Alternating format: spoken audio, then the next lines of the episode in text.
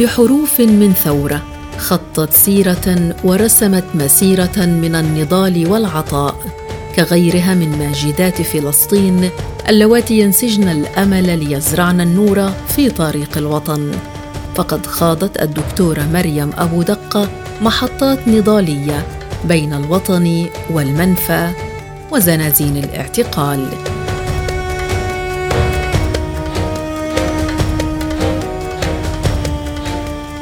ولدت المناضلة مريم في العام 1952 في مدينة خان يونس. وبدأت العمل الفدائي بشكل سري بعد أن التحقت في صفوف الجبهة الشعبية لتحرير فلسطين. فحملت البندقية منذ طفولتها كمقاومة وصدحت بالصوت الحر كسياسية تعبر عن الوجع الفلسطيني والهم الوطني. الذي بدأ مع النكبة وكبر مع النكسة وغير من طعم الحياة لدى الفلسطينيين. الاحتلال منغص علينا حياتنا حول كل حياتنا الجميلة البريئة الطاهرة إلى خوف ورعب. إحنا مش قصة خوف من الموت على فكرة شعبنا آه، جدع وشعبنا تعود يعني على الشجاعة وهو شجاع لكن شعبنا بيقدرش يعيش بدون كرامة. وبالتالي إحنا كبرنا بغير وقتنا والألم خلانا نحمل روس مش روسنا. أنا بتذكر كنا 15 سنة بالسجن بس بنوزن واحد عمره 40 و50 سنة. الواقع والقهر خلق عنا صلابة وما عادش يفرق معنا لأنه بدنا حريتنا بدنا نعيش زي ما كنا. إحنا شعب ملوش مثيل. قديش قوي؟ قديش جريء قديش قضيته عادلة بس قديش صابر قديش مكافح وقديش هذا المحتل ظالم والعالم ظالم. لأنه 75 عام من هذا الظلم شعبنا علم الكون الصبر وعنده الأمل أنه لا يمكن إلا أن يعود الحق إلى أصحابه. لو بقيت مرأة فلسطينية عندها رحم تحمل وتنجب أطفال.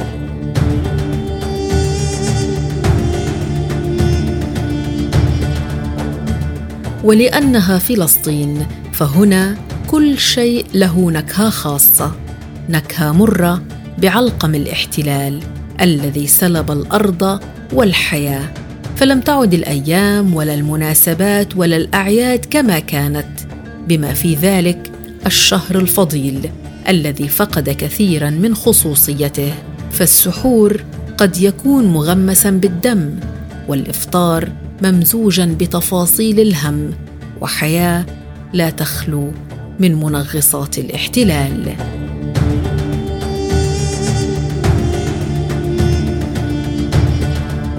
كان في له بهجة غريبة جدا يعني ما كناش ناس التكافل كان طبيعي.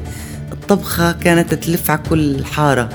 كانت حياة آه، طبيعية لكن بعد الاحتلال تغير شكل رمضان ومضمونه. أصبح يعني وجود الاحتلال آه، كابوس يعني ينغص علينا كل حياتنا وطموحاتنا سواء بسهراتنا طلعاتنا. الصلة قطع أوصال العيلة هجر جزء من العيلة فصار طعم رمضان مر رغم الحنين له يعني ما عادش عيلة فلسطينية ملمومة مع بعض. فصارت معظم آه، طاولات الإفطار يكون فيها بكاء من الأم أو الأخت أو الزوجة على زوجها على أخوها على ابنها إما أسير أو بعيد ومش قادر يرجع أو مهجر أو آه، شهيد. فأصبح في كل بيت آه، يعني مصيبة من جراء الاحتلال.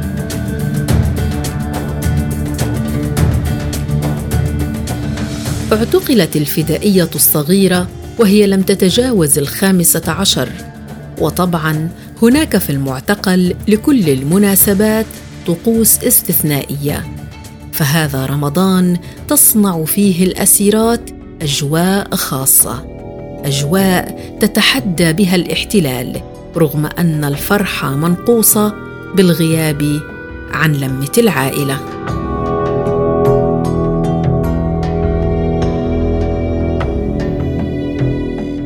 فيش إمكانية؟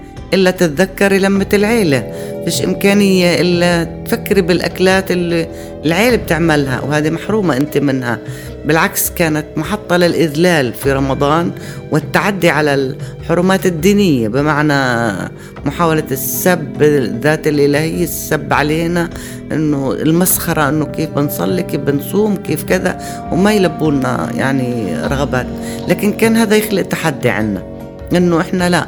مستمرين ونصوم رغم يعني سوء الحال ما كانت الظروف ابدا مش مسموح لنا إحنا نجيب إشي ولا نشتري إشي ولا أهلنا يدخلوا لنا إشي. كل المسموح كان في وقت الزيارة كل شهر مرة كيلو تفاح وباكيت بسكوت لكل أسيرة.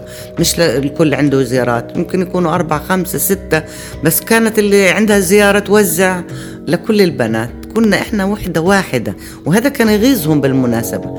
فكان الأكل اللي يجيبوا لنا يبخس كتير. يعني حبتين زيتون آه لبنة شوية لبنة يعني على حسب.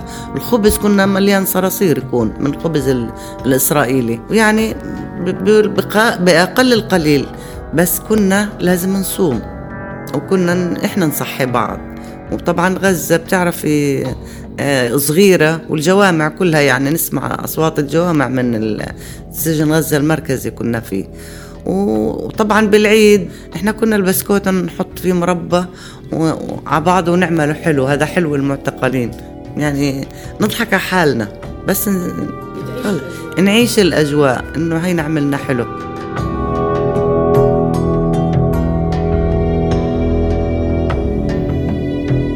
ليس في السجن فحسب بل كان لرمضان طعم القهر أيضا في المنفى حيث قضت ثلاثين عاما تتجرع مرارة الغربه كغيرها من المهجرين والمنفيين عن جلد الوطن.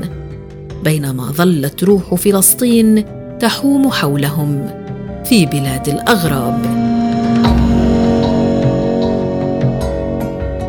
الصدمة الكبيرة برا. يعني أول ما طلعت كنت صغيرة بعدني وأول مرة هيك بفقد العيلة كأنه قطعوا جذوري.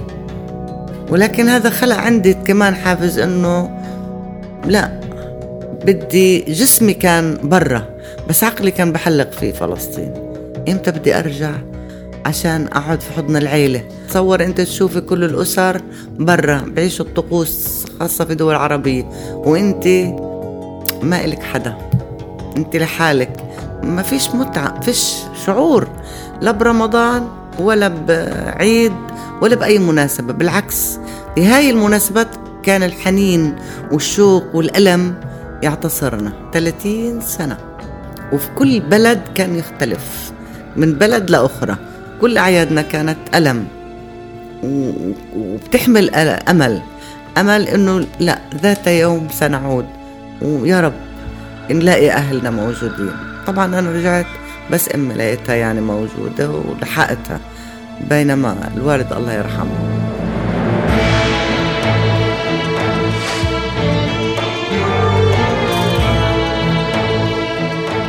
تصر الدكتورة مريم وهي اليوم عضو المكتب السياسي للجبهة الشعبية على مشاركة أهالي الشهداء والأسرى طقوس الشهر الفضيل. فتتنقل من بيت لبيت تشد على قلوب الأمهات والآباء وتحتضن الأبناء. فالهم مشترك والحلم واحد. فلسطين حرة مهما غلا الثمن.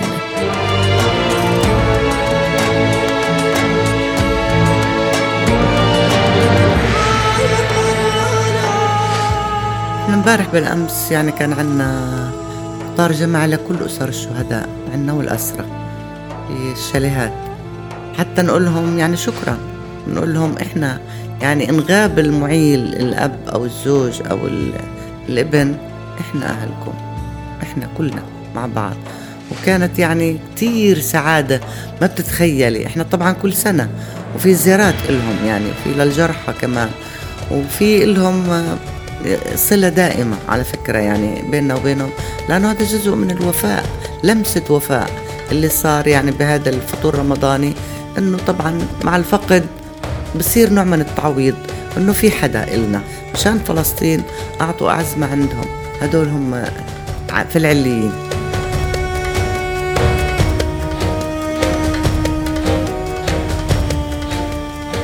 بالنسبة إلنا كمان هو إحنا جزء من طقوس هذا الشهر إنه بنبارك لبعض بنتزاور في دعوات. زي ما بتعزمي أهلك وأهلك بيعزموكي فأهلنا إحنا تنظيمنا يعني رفاقنا في زملائنا في العمل من كل الفصائل بالمناسبة. حتى الزيارات في المكاتب بتكون ضمن طقوس رمضان. يعني إذا في لقاءات المساء بكون النمورة حلويات أو قطايف رمضان. بس زي ما قلت لك يعني هذه كلها شكليات بنحاول نتغاضى عن جروحنا ونمر فيها لأنه رمضان بدون احتلال غير.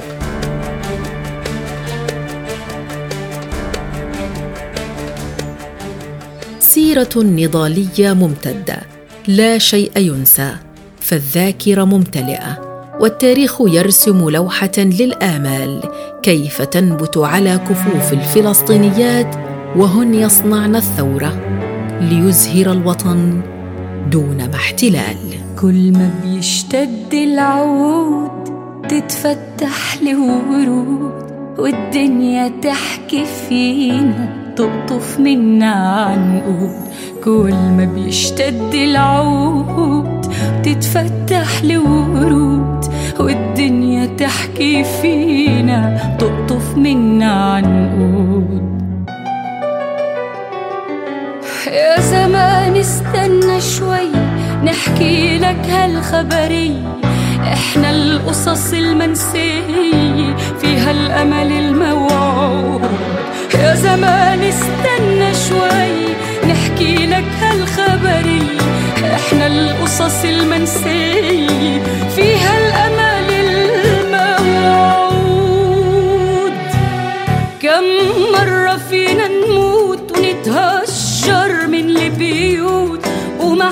حدش سامع صوت الحلم المال حدود بودكاست على حافة الحياة.